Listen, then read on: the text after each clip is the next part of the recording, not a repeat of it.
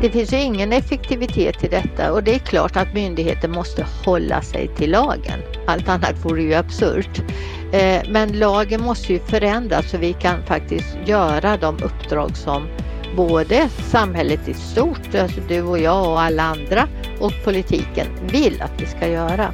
Och det går inte med gällande lagstiftning. Och det utnyttjas naturligtvis av kriminella. Om upptäcktsrisken är låg och myndigheternas kraft är låg så undrar jag vem vill bli den sista skattebetalaren och stolt sträcka på sig och säga jag är den enda som står kvar och följer lagar och förordningar.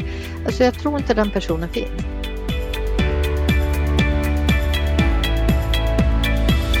Hur ska vi göra för att komma till rätta med kriminaliteten i byggbranschen? Pia Bergman som har kommit ifrån Skatteverket, ja, hon tycker inte att det finns någon effektivitet i hur det hanteras just nu. Myndigheter som inte kan samarbeta med varandra på grund av en sekretesslag som sätter käppar i hjulet. Vad är det som krävs? Vad behöver vi tänka på? Hur ska vi titta på hela den här situationen? Hur ska vi hantera den? Möt Pia Bergman i ett intressant samtal om fusket i byggbranschen, kriminaliteten i byggbranschen. Och det här samtalet med Pia kommenteras av Stefan Attefall som ju var ordförande för Byggmarknadskommissionen som har lagt fram en hel del förslag på vad som behöver göras. Möt först Pia och sen Stefans kommentar på det här stora problemet i branschen. Varmt välkommen till Bopolpodden, ett nytt intressant avsnitt om en viktig fråga för oss i branschen. Jag heter Anna Bellman.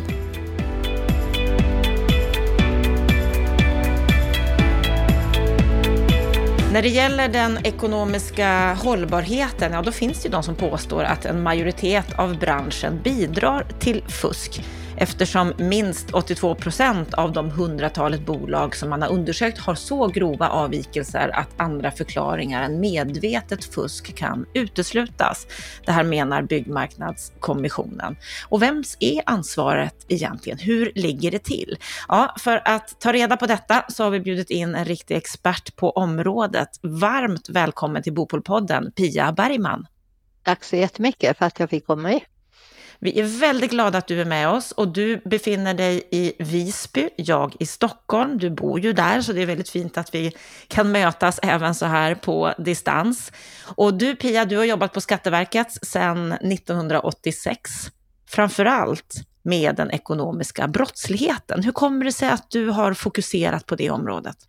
Jag tror att det var flera olika saker som gjorde det, men eh, en av sakerna var ju det att när jag såg hur företag fuskade så blev det andra företag som då blev drabbade som, in, som försökte följa lagar och förordningar. Det var helt enkelt orättvist. Och jag kommer från en småföretagarfamilj och jag tyckte väl att ska man in och kämpa som företag så krävs det väldigt mycket. Men om man då dessutom ska mötas av oschysst konkurrens, osunda företag som tar sig massa fördelar och förmåner eh, på bekostnad av att, att jag förlorar jobb, då nej, det, det kände jag att det var viktigt att jobba mot.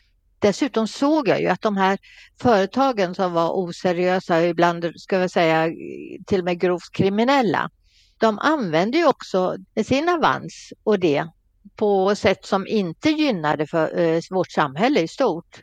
Och eh, jag bor ju också här och jag har också barn och jag har också eh, syskon och föräldrar och alltihopa sådant som, som jag tycker ska finnas i ett samhälle där där man i varje fall försöker göra rätt för sig.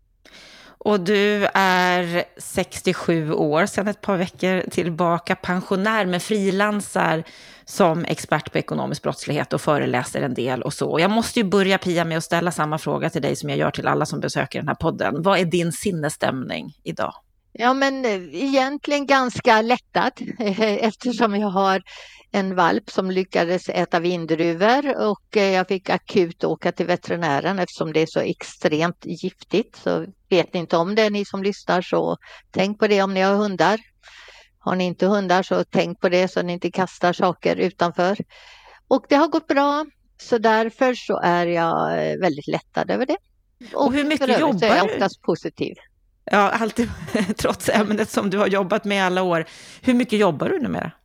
Ja, men jag säger som så, jag har ju inte bara en hund, jag har ju också en häst. Det ska vara väl så att vi klarar av hovslagan och kostnader kring det. Jag jobbar gärna lite extra om det är någonting som jag verkligen känner är angeläget. Men jag njuter också av att faktiskt, jag tycker en ynnest att få vara pensionär. Det är en fantastisk ynnest att få vara som jag är, mig vetligen frisk och få ägna mig och dagarna åt sånt som andra saker som jag också brinner för. Och då måste man ju fråga sig, vad tappar Skatteverket i kampen mot byggkriminaliteten i och med att de nu tappar dig? Det ska inte jag svara på. Det, får, det, det, du har varit otroligt engagerad under alla år. Ja. Hur ja. skulle du säga, från då 86 när du började jobba med det här, hur har byggkriminaliteten utvecklats under de här åren? Ja, men det har ju blivit så mycket mer komplext. Den, den, eh, om man såg den svarta marknaden och, och de, de olika affärerna som gjordes vid sidan av lagen, det var ju oftast ett handslag och cash och jag gör detta för dig och du gör detta för mig och så var det bra med det. Och det var, om man säger mer eller mindre hedligt folk som gjorde lite svarta affärer vid sidan om den vanliga, vanliga verksamheten låter kanske lite konstigt uttryck, men jag tror att, att du förstår vad jag menar. Sen har ju det blivit mer och mer komplext till att man använder falska dokument i olika lägen, målvakter i större omfattning. Pengar transporteras via inte bara ett konto utan många konton och kanske gärna utomlands också. De kriminella aktörerna ser att eh, det blir svårt nu när vi också går från lite kontantlöst samhälle till eh, mer digitala valutor om man säger att, att vi har pengar på konton. Att man ger sig in i näringsverksamheten för att skapa fasader och också transportera pengar som kanske kommer från helt annan verksamhet än, än till exempel byggverksamhet via byggbolag. Och vad skulle att, du säga, hur mycket, Ja, det är komplext, men har du någon uppfattning om hur mycket den illegala verksamheten omsätter? Hur mycket skattepengar vi går miste om? Nej, men det, det, är svårt. Det finns, det finns så många olika siffror på det hela och det är svårt att bedöma. Jag kan tycka att siffran i sig är ganska ointressant. Det är säkert eh, tvåtal och, och miljarder. Så, så mycket är väl klart. Men sen är det ju det att, att alla de här pengarna, det är ju mer effekten av det som är intressant. När det fuskas så fuskas det ju inte bara med skatter, det fuskas med arbetsmiljö, det fuskas med andra regler som eh, arbetskraftsinvandring, det fuskas med bidrag och stöd både från Försäkringskassan och Arbetsförmedlingen. Men det är också den effekten som det får på hela samhället, förtroendet för vårt samhälle möjligheten att driva ett seriöst företag, möjligheter för seriösa företag att erbjuda långsiktiga, bra och schyssta arbetsplatser. Den delen är ju det som egentligen tycker jag är den stora, stora faran, inte bara reda kronorna utan effekten på samhället som det här får. Och det blir värre? Ja, det skulle jag vilja säga att, att det blir värre och det blir mer komplext för att vi har vi ligger vi, och då menar, nu jobbar jag inte på myndighet längre, men jag säger ändå den offentliga sidan ligger så långt efter. Eh, bland annat för att vi följer lagar och förordningar och slåss mot dem som struntar i det. Om, om, vi, om, om vi tittar på det här läget så har ju Lennart Weiss som är expertkommentator här i Bopolpodden, han slog ju på stora trumman för ja, ett och ett halvt år sedan ungefär och, och öppnade upp ögonen för många i, i branschen. Och han hävdade ju då att det var 90 procent av östeuropeiska bolag i byggbranschen som fuskar med löner, skatter, sociala avgifter, underleverantörer som många i branschen använder sig av. Och därefter så har han ändrat sig och sagt att den här siffran, det är 100 procent nästintill. Mm. Vad säger du om de här siffrorna? Ja, men alltså, det gäller att hålla isär vad Lennart säger och, och tolkningen av Lennart. Om man, om man då säger så att de östeuropeiska företagen som är i Sverige, de gör många gånger fel. Både medvetet och omedvetet, för det är faktiskt inte lätt att göra rätt heller som, det, som reglerna ser ut idag. Och då krävs det många gånger att de som köper tjänsterna vet hur man kontrollerar och hur man agerar runt omkring. Så det blir väldigt många gånger fel. Men det är inte alltid grovt kriminellt bakom. Men sen har vi ju sett när det gäller den organiserade brottsligheten att den dras ju mer åt östeuropeiska länder. Av, av många olika skäl så har, har det funnits en arbetskraft där som är beredd att komma och också en organisation som är beredd att leverera arbetskraft. Men man får inte förväxla det med byggbranschen i stort och det är det som jag är lite orolig för. För att om man tänker då att, att man säger alla byggföretag fuskar, alla byggföretag är kriminella, då tycker jag att man är fel ute. Och man är också farligt ute. Alla företag i Sverige kan göra fel. Och, de, och, och många gör det, men, men omedvetet och, och skitfel om man säger på det sättet. Men om man tittar på de enkäter som till exempel Skatteverket gör, som man, där man svarar anonymt, hur ser det ut med din moral? Vill du följa lagar och regler? Följer du lagar och regler som är? Nu, nu är mycket fokus på skatten då, men, men ändå.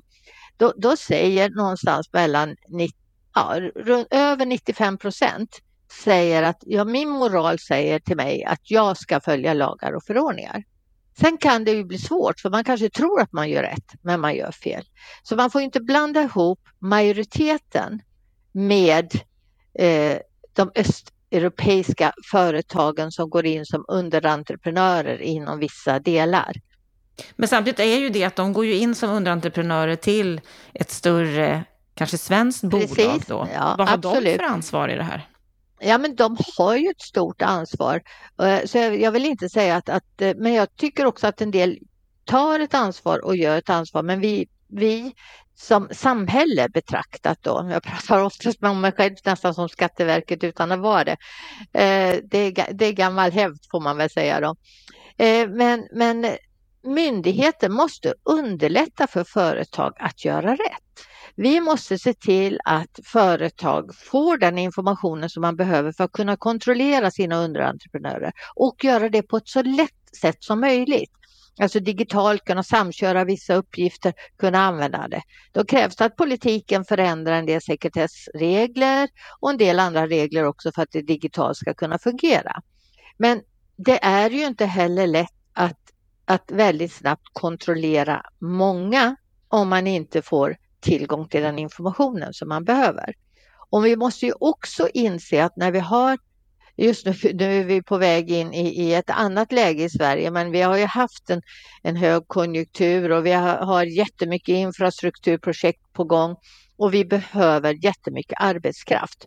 Och då är vi beroende av den utländska arbetskraften och då måste det vara lätt att göra rätt i de här bitarna. Och det är det inte idag. Både själva lagar och förordningar är komplexa men också att få informationen och att följa det. Och där tycker jag, där måste samhället ta ett ökat ansvar så att, att det blir bättre och lättare att göra rätt. Och en annan fråga i det här som du sa att det är svårt att, att utreda bolag och sådär. Där har ju Lennart sagt i DN bland annat att byggföretagen och myndigheter och politiken har olika problem som måste lösas. Och du var ju inne mm. på det också. Ja. Och det han säger här är att Skatteverket berättade för oss att det tar sju månader för dem att utreda ett företag. För oss tar det sju dagar. Myndigheterna är underbemannade och den här frågan prioriteras inte. Och politikerna tycker att andra frågor är viktigare. Vad säger du eh, det? Ja, men, men eh, det, eh, det tar ungefär sju månader i snitt för att Skatteverket ska göra en revision. Men då ska man ju veta att vi måste ju faktiskt bevisa om någonting är fel. Vi kan ju inte bara tycka eller säga att det här, det här verkar som att det är fel, utan vi måste kunna fatta beslut om att det är fel. Det är fel av de här skälen. Det innebär så här mycket skatt att betala. Och då måste vi gräva ner oss och hämta information. Vi kan inte gå på tredjemansinformation. Och vi har inte alltid heller tillgång till all den information som vi skulle behöva på myndigheten. Det beror på sekretessregler eh, exempelvis. Så att visst tar tid. Det är också sant att myndigheter har inte de resurser som man behöver i de här delarna. Eh, jag skulle väl säga när man pratar om den organiserade brottsligheten kontra det här fusket så är den organiserade brottsligheten naturligtvis ett jättestort problem och den finns även inom byggbranschen. Men det stora fusket är inte kopplat till det som vi traditionellt sett ser som den organiserade brottsligheten, utan det är att man rundar regelverk ständigt och jämt. Man inte betalar försäkringar till Fora, att man inte har de arbetsmiljö alltså följer den arbetsmiljölag som man borde, man har andra arbetstider, man följer inte de olika löner som man är överens om och man fuskar naturligtvis också med skatten ibland. Men det är inte alltid kopplat till den, utan det är de här ständiga regelöverträdelserna som gör att det blir svårt att konkurrera. Och då måste det bli lättare att upptäcka och då måste myndigheter vara ute att se detta. Företag naturligtvis också kontrollera vem de gör affärer med, men myndigheter ut och kontrollera. Och när vi går ut nu och kontrollerar så är det oftast polisen, Arbetsmiljöverket och Skatteverket. Och Skatteverket får inte berätta vad vi ser. Och Varför inte då? Vi, sekretesslagstiftningen säger detta. Så det är bara i vissa undantagsfall som Skatteverket kan berätta det för andra myndigheter. Eh, och i princip kan man säga att det är när man är på det klara med att ett brott har begåtts. Att någon har verkligen fått ut pengar från till exempel Försäkringskassan fastän någon jobbar svart. Och det, det man ser när man är ute är ju en ögonblicksbild som man sen måste hem och grotta ner på. Så hela det här sekretesshindren som finns runt det här arbetet, det måste lösas upp. Och det finns ju en utredning nu och vi får väl se hur långt den når och vad som händer. Det är ut remiss nu och man vet aldrig vad myndigheter tycker och tänker, men man vet att de tycker och tänker. Så att det du säger nu det är att det behövs en ökad samordning mellan myndigheter, men på grund av den här sekretessfrågan så är det i princip omöjligt? Ja, det, den, det haltar ju det haltar ju. Man, man, från politiken säger, eh, säger man då, vi har bildat A-krimcenter. Eh, skillnaden är ju att man säger att den här samordningen mot arbetslivskriminalitet har flyttat in i andra lokaler, men det förändrar ju inte lagen. Man får inte prata mer med varandra för den skull. Jag kan också tycka att det är lite konstigt att nio myndigheter ska vara med i detta och tre myndigheter som där alla inte får tala med varandra är bäst de som är ute på fältet. Det är väl alltså min värld låter det inte effektivt. Det, alltså, det är väl bättre att, att färre myndigheter jobbar ihop, jobbar effektivt ihop och lämnar information till andra.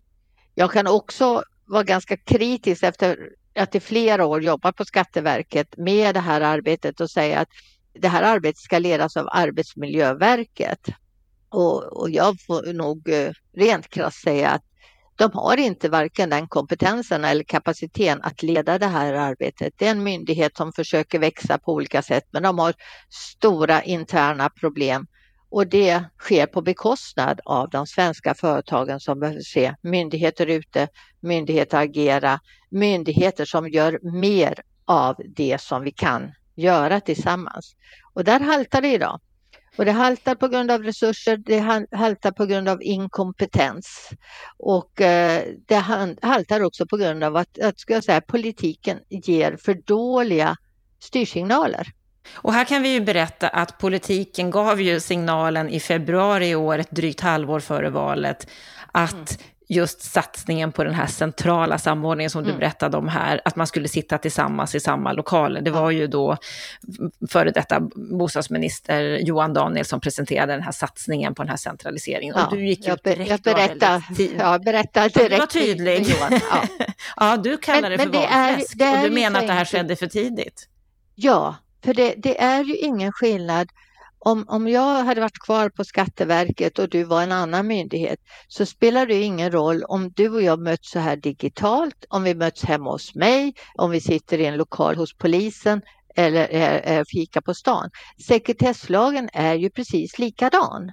Så att, att samlokalisera tycker jag är för tidigt. Sen är det också så här, man är väldigt förtjust i att samlokalisera och ibland titta på andra länder, som till exempel Norge. Jag har varit i Norge många gånger och samverkat med Norge just när det gäller den här problematiken.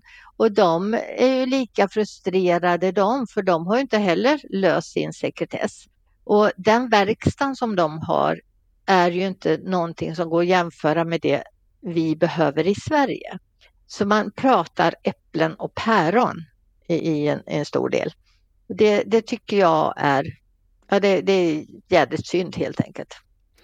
Och du berättade ju här att det är en utredning som har tillsatts där man kanske också tittar på det här med sekretessen. Och det var ju i augusti förra året, 2021, som man tillsatte en utredning inom Finansdepartementet för att undersöka just möjligheten att dela information mellan myndigheter och kommuner när det gäller bland annat då den här frågan.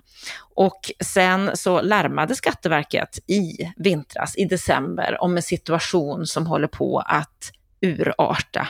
Och där var du också ute tydligt och sa att alla myndigheter agerar separat och skulle vi kunna samarbeta löpande så behöver vi inte gå ut och göra kontroller ad hoc. En riskvärdering skulle öka ja, träffsäkerheten. Ja. Vi skulle faktiskt kunna lägga resurserna där det behövs. Det här var ja. i december förra året.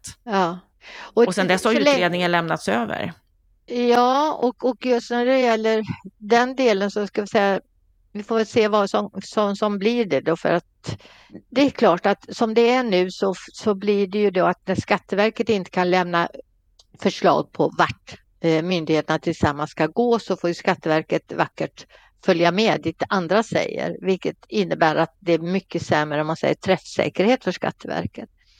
Och det, det bästa är ju att myndigheter går ut där man verkligen ser att det är problem.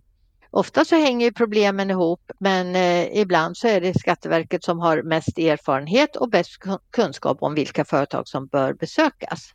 Och likaså så, så är det väl det att när man väl har besökt någonting så bör man ju då som sagt dela information och ta det vidare.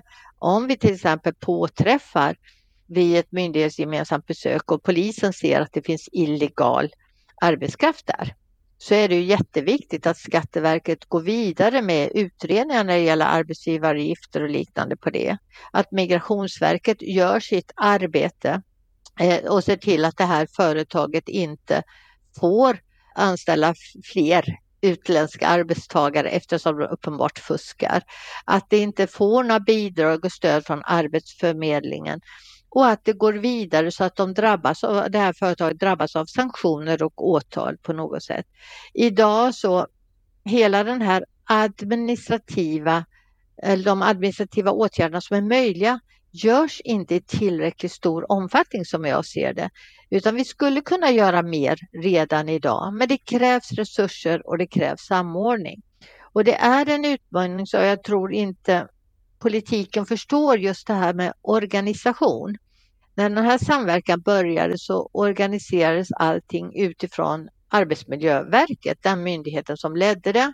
Och det blev i fem regioner, fem regioner, geografiska regioner som ingen annan myndighet än just de hade. Sen har det omorganiserats i enlighet med polisens organisation som är också eftersom polisen oftast har svårast att inrätta sig i andra myndigheter så har det blivit på det sättet. Men det är ju också det att det viktiga när man samverkar det är att hitta rätt kompetens på rätt ställe. Och om man ska tvinga in alla till fysiska möten i en lokal hos en polisstation någonstans så är det inte säkert att det är den snabba, enkla möjligheten att faktiskt få den bästa verkstaden. Utan det bästa vore väl kanske att man både kan ha som vi har nu ett digitalt möte där man kan utbyta information och snabbt säga vi måste ha folk ut hit för det, det sker här och nu. Men det finns inte system som gör att myndigheter digitalt kan sitta och diskutera med varandra på det sättet och snabbt kunna nå varandra. Och, och det finns som sagt inte heller tillräckligt med resurser för det, det sker alltid någonting annat som blir högre prioriterat. Och det beror ju på en, ska vi säga då, det är ju den politiska styrningen som bestämmer det, vad som är högst prioriterat. Och då är inte det här tillräckligt viktigt?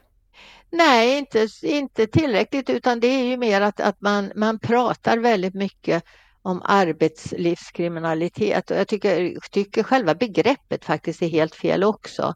Jag skulle vilja att vi pratar om arbetsmarknadskriminalitet, det vill säga när arbetsmarknaden inte fungerar, när företagen inte har möjlighet att konkurrera på schyssta villkor, det är då det kan leda till arbetslivskriminalitet, det vill säga att människor eh, hamnar och, och utnyttjas. Eh, men, men arbetsmarknadskriminaliteten underminerar hela samhället än mer. Arbetslivskriminaliteten är en liten del av detta. Och det är på något sätt att man både från politiken och från olika håll, man förenklar genom att sätta fokus på ett litet problem och inte se hur allting hänger ihop. Jag, jag tänkte på en, en sak som, som jag läste när jag läste på vad du har sagt i media om det här området. Och i, i en artikel där du var med, där var också Tord av Klintberg med. Han är forskare på KTHs avdelning för hållbart byggande och tillsammans med professor Folke Björk så har de skrivit en rapport om den svenska sekretess sekretesslagstiftningen och hur den påverkar kriminaliteten i byggbranschen. Och han sa så här att vårt nuvarande system är som gjort för att utnyttjas och våra myndigheter framstår som kraftlösa inför kriminella mm. företag. Ja. Håller du med om det? Ja, det gör jag. Det gör jag absolut. För att eh, det finns ju ingen effektivitet i detta och det är klart att myndigheter måste hålla sig till lagen. Allt annat vore ju absurt. Eh, men lagen måste ju förändras så vi kan faktiskt göra de uppdrag som både samhället i stort, alltså du och jag och alla andra och politiken vill att vi ska göra. Och det går inte med gällande lagstiftning. Och det utnyttjas naturligtvis av kriminella. Om upptäcktsrisken är låg och myndigheternas kraft är låg så undrar jag vem vill bli den sista skattebetalaren och stolt sträcka på sig och säga jag är den enda som står kvar och följer lagar och förordningar. Alltså jag tror inte den personen finns. Vi har ju pratat om den här utredningen som kom i augusti förra året som nu har gått ut på remiss. I somras så tog finansminister Damberg emot den.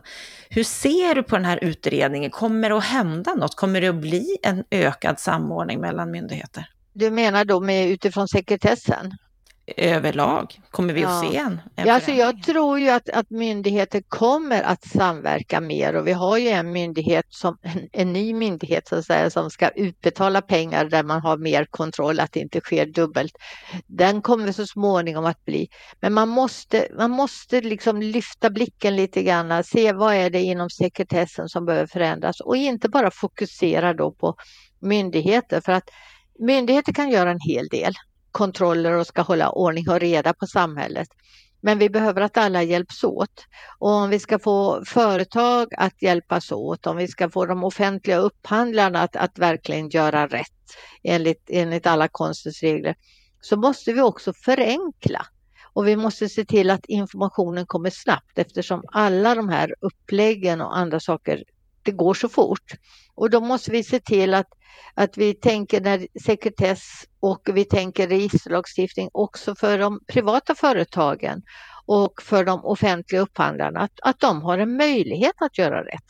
Eh, och, och då måste vi tillhandahålla den informationen och de delarna också. Så vi kan inte bara tänka myndigheter, vi måste tänka samhället i stort.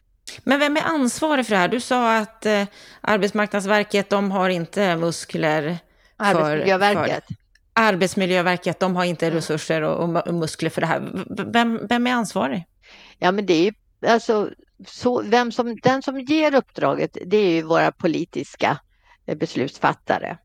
Samtidigt är det för samhället i stort, skulle jag säga, det är alla som har ansvaret. Vi kan alla bidra på ett eller annat sätt eh, genom att, att se till att, att de som vi omger oss med, eh, om, om någon är ute och seglar, då talar vi om det och vi gör inte affärer med sådana som inte följer regelverk vad det än månne vara. Och eh, vi ser också till att, att eh, företagen som sådan får de redskap och, och därmed kan ta det ansvar som ligger på dem. Så att alla organisationer, företag, privatpersoner och myndighet har ett ansvar, bara sett lite olika, för har lite olika uppdrag i detta. Men man kan inte svära sig fri. Och, och ytterst är det ju så att, att eh, till myndigheterna eh, så är det ju politiken som ger uppdragen.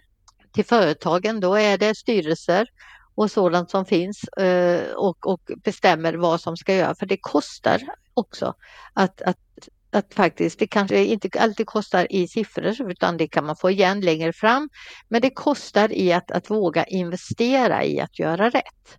Hur stor är medvetenheten skulle du säga från alla dessa enheter, politiker, branschen, från allmänheten kring, kring det här problemet? Jag, det, det, är nog blandat, men, men framförallt så är det en väldigt ytlig kunskap. Det är ju det man märker. Man vill ha snabba, lätta lösningar. Och det, det, finns inte riktigt så snabba, lätta lösningar, utan man måste göra många saker och man måste göra många saker på en och samma gång. Men det är ju samtidigt som så att, att vi måste ju se till att vi, att vi skyddar de företagen och stödjer de företagen som faktiskt vill göra rätt. Jag menar, jag återkommer till det här att nästan varje företag säger att jag vill faktiskt göra rätt. Jag försöker göra rätt och för, har, har, känner en moralisk plikt till detta. Men då måste vi under, liksom att understödja dem i detta. För det är också som så att om vi hänger ut, nu pratar vi bygg här till en stor del. Om vi hänger ut hela byggbranschen som en kriminell bransch där alla företag fuskar, där allt regelverk eh, undermineras på olika sätt, där människor som jobbar utnyttjas och inte får rätt för sig. Vem tusan vill skapa ett bolag där eller vill börja jobba? Vi, vi kan ju undergräva allting genom att försöka eh, dra till oss mer rubriker än vad vi faktiskt ska ha. De flesta försöker göra. Hur skulle du vilja att det ser ut då? Hur, vad, vad, är, vad är din, din väg framåt? Ja, men alltså jag skulle säga att, att det finns det finns tre olika saker som man måste göra samtidigt. Eh, dels är det det som jag är inne på, stöd företagen. Se till att de lätt kan få information som de behöver för att hålla rent själva. För att det är det är någonting som ger svarta siffror så småningom. Men se till att det blir enkelt och smidigt att förklara jobba mot den organiserade brottsligheten som kommer in och hotar på olika sätt. Och där är ju polisen och Skatteverket två stora spelare som, som jobbar mot att ta pengarna och säkra det och följa pengarna. Även om, om utredningarna tar tid så måste det göras, för det har också med den allmänna moralen att göra. Men i det stora jobbet är också det här gråfusket, det här rundandet av regelverken där det börjar rundas lite grann för att man ska hänga med eller göra de här kronorna extra eller försöka pressa sitt pris. Det är där faran är, för det är de som gör affärer med den svarta marknaden, den kriminella marknaden. Så att ut och kontrollera regelöverträdelser och det fusket en mass från myndigheter och dela den informationen. Det, och då kräver det från politiken naturligtvis att man förändrar lagar. Men man måste titta alltså både på att kunna förebygga och understödja de seriösa. Att titta på de här grå marknaden som är den stora marknaden. Där det är inte kopplat till den grova organiserade brottsligheten men med ständigt övertramp för att, att göra det där extra eller finnas kvar eller pressa priset något till den organiserade brottsligheten. Man måste mäkta med alltihop. Mm, och nu när du berättar det här så tänker jag på den situation som byggbranschen är inne i just nu, den här stora djupa krisen, byggstopp, men det är svårt att få kalkylerna att gå ihop, det är mm. otroligt höga råvarupriser, mm. hög ränta och, och, inflation och så vidare. Kommer den här frågan att eh, bli svårare att lösa? Kommer vi se mer av kriminalitet? Ja men alltså det, det, det här kan ju bli en, en vattendelare så att säga.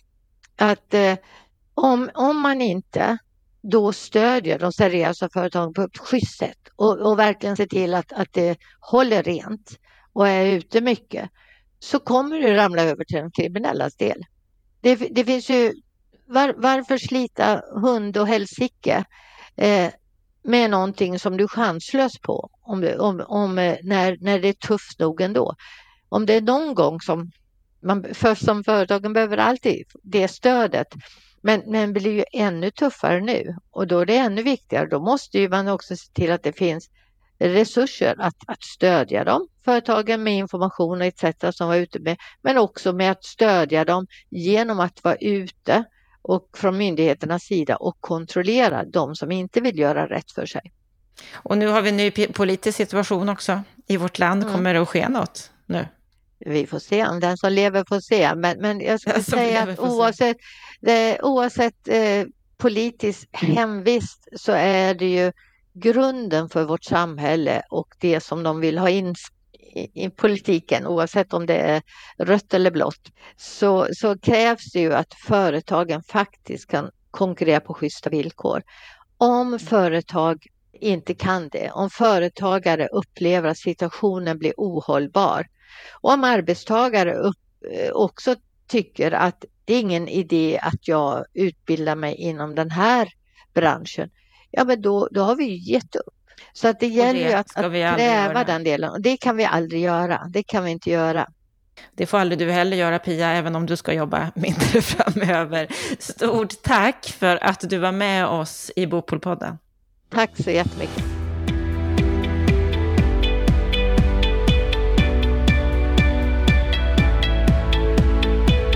Då har vi hört Pia Bergmans ord om kriminaliteten i byggbranschen. Och du, Stefan Attefall, var ju ordförande i Byggmarknadskommissionen som ju avslutade sitt arbete för ungefär ett halvår sedan. Och om vi ska börja med att förtydliga den siffra som jag nämnde i början av samtalet med Pia, att minst 82 procent av de hundratalet bolag som Byggmarknadskommissionen har undersökt har så grova avvikelser att andra förklaringar än medvetet fusk kan uteslutas.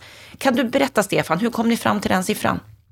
Vi tittade helt enkelt på de eh, företag som kommer från de forna östeuropeiska länderna. Eh, och det är ungefär tusen företag och så plockar vi statistiskt ur eh, 90 företag ungefär. Och sen djupgranskar vi de företagen. Och eh, där kom vi fram till då att det var den här siffran på 82 procent som Eh, bryter mot lagar och regler och avtal på olika sätt. Alltså det är de utländska företagen vi tittar på, för där påstås det att vara mest eh, oegentligheten när det gäller att följa de här regelverken.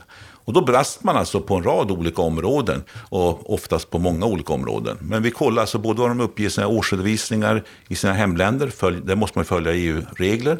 Eh, vi tittade på vad de skriver på sina hemsidor, vi tittade på vad de anmäler till utstationeringsregister, ID06-system, eh, vad de rapporterar in för löner och rapporterar in för försäkringspremier till försäkringsbolag, hade de hängavtal eller inte, etc. etc. Och när man gick igenom allt detta med en djupgranskning eh, på ett kvalificerat sätt så kom vi fram till att man följer inte reglerna. Och då ska man komma ihåg att här finns ju då allt ifrån de som håller på med rent eh, människohandel, alltså slavliknande förhållanden, riktigt groteska saker, till de som, det funkar ganska bra, för det, de, den arbetskraften som finns då och jobbar de här villkoren som inte följer svenska regler och avtal, de eh, är ganska nöjda, för det är ändå bättre än vad de hade i hemlandet. Va? Eh, så att det finns ju hela skalan här. Och allt ifrån riktiga fuskare också när det gäller bygget till de som har mycket kvalificerad och bra arbetskraft eh, som sköter sina uppgifter. Så då hela skalan. Men de, de bidrar till oschysst konkurrens. De bidrar till att inte följa regel, regler och skatteregler eller om det är avtal man själv skrivit på. I samtalet med Pia så lyfte jag ju Lennart Weiss siffra som menar att det är i princip 100 procent av alla utländska företag eller östeuropeiska företag som fuskar. Vad säger du om det? Ja, alltså hans granskning som han har gjort, det har varit på, på eh, underleverantörer som de har kommit i kontakt med inom Veidekke och som granskat dem. Och där har han inte hittat någon som sköter sig och följer reglerna.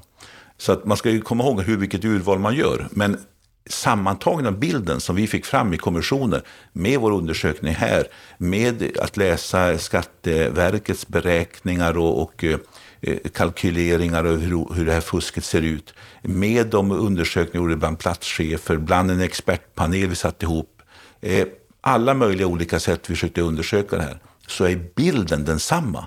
Problemen är omfattande och stora. Och de är större än vad de flesta har trott. Och vad säger du om det här samtalet med Pia där hon ju väldigt mycket lyfter sekretesslagen som en bov i dramat, att det inte går att dela information mellan myndigheter, att det faktiskt är svårt att få bukt med det här på grund av lagen? Jag först skulle jag säga så här att eh, det är ett komplext problem och krävs åtgärder på många olika områden. Vi pekar ut fem olika områden och la förslag över 20 förslag. Men en nyckelfråga är som Pia Bergman påpekar, det är sekretessen mellan myndigheterna. Därför att kan du inte dela information, kan inte Skatteverket se en sak rapporterad till Arbetsmiljöverket och tvärtom eh, på ett smidigt sätt?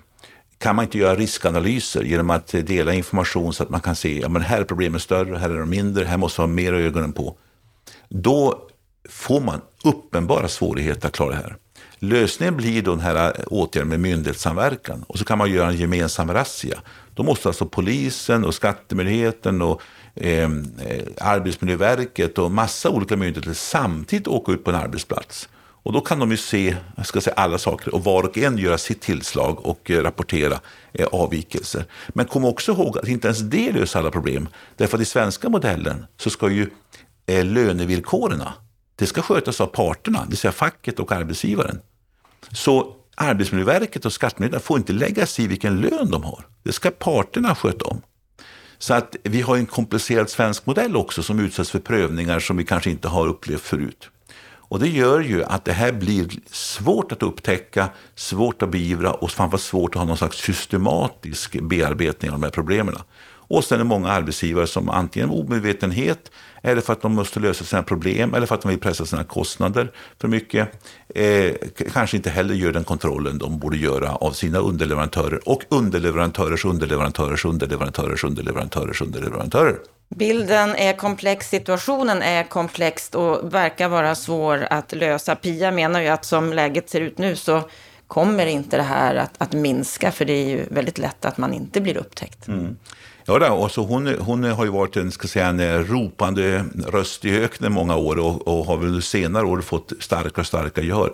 Så Pia Bergman har ju spelat en nyckelroll ändå för att väcka både kunskap och intresse och engagemang för frågan. Både på Skatteverket men också på andra myndigheter. Så att det, det, är, det är en förlust att hon slutar nu. Eh, vi hoppas att hon finns kvar i debatten och deltar på olika sätt. Eh, så, så, eh, men den här myndighetssamordningen som inte ännu har blivit, den har blivit bättre. Men eh, nu har det kommit, eh, det finns ett utredningsförslag om en sekretess, eh, eh, lösning på sekretesslagstiftningen. Som jag, remisstiden tror jag har gått ut alldeles nyss. Men alltså jag, jag är, hoppas verkligen att det är en prioriterad fråga också nu för en ny regering att genomföra den reformen. För det måste fram en proposition. Och det stora problemet här upplever jag är inte ett politiskt problem. Det är inte partierna som bråkar med varandra. Eh, för även riksdagens eh, majoritet med, med eh, med den rådande, ska säga, nu, nuvarande riksdagsmajoriteten i opposition uttalar sig ju för att det här måste lösas i utskott. Problemet sitter oftast på att hitta de juridiska lösningarna och övertyga juristerna som ska då granska det här och som ska invända mot det här och få stöd i lagråd och liknande saker för de tekniska lösningarna. För det här bryter ju mot en del, alltså man måste göra en undantag från sekretess som är ändå en grundnorm i svensk lagstiftning och det är ju sund. Vi ska ju värna om personlig integritet. Men eh, vi la ett förslag från Byggmarknadskommissionen som är en liten kopia på den, det undantag som införs för kamp mot gängbrottsligheten. Där tror vi att man kan hitta en framkomlig väg. Och jag, tror, jag uppfattar också att den här utredaren är inne på liknande tankespår. Så att, eh, jag hoppas att man har fått fram en bra teknisk lösning så att det inte fastnar av det skälet. Är du optimistisk att det här kommer att bli bättre? Ja, i den meningen att vi har ett engagemang och en medvetenhet idag som vi inte har förut. Eh, jag tror och hoppas att Byggmarknadskommissionen har bidragit till det. Jag har varit ute och talat för många både byggföretag och eh, branschmöten med olika aktörer från, på, från byggbranschens sida. Jag har medverkat i fackliga eh, arrangemang. Eh, det finns ett engagemang som inte fanns för några år sedan. Det finns en insikt som inte fanns för några år sedan. Eh, det fanns på i öar förut, nu finns den bredare. Det, det har nått liksom inte bara översta toppen i företag, det har nått, nått ner och fortsätter den trenden, då tror jag det finns förutsättningar. Om politiken samtidigt levererar, både från myndighetssidan, eh, med lagstiftning, men också myndighetssamordning och engagemang på myndigheter som också kan bli bättre på många ställen. Då tror jag det finns förutsättningar. Eh, men eh, det krävs att alla håller i och alla bidrar och att det finns ett starkt ledarskap på politisk nivå att driva på myndigheter. För det handlar inte bara om nya lagar, det handlar också om att det här är en prioriterad fråga i myndighetsarbetet också. Eh, så därför gäller det också att alla måste på, byggbranschen, facket, politiken, myndigheterna. Ja, vi får hoppas att din optimism när det gäller att förhoppningsvis lösa det här kommer att smitta av sig så att vi får en lösning på det här gigantiska problemet. Det var det vi hade ifrån Bopolpodden den här veckan. På fredag är vi tillbaka igen med veckans Aktuellt med det senaste som har hänt under veckan som har gått. Lyssna gärna in då. Fram till dess, ha en skön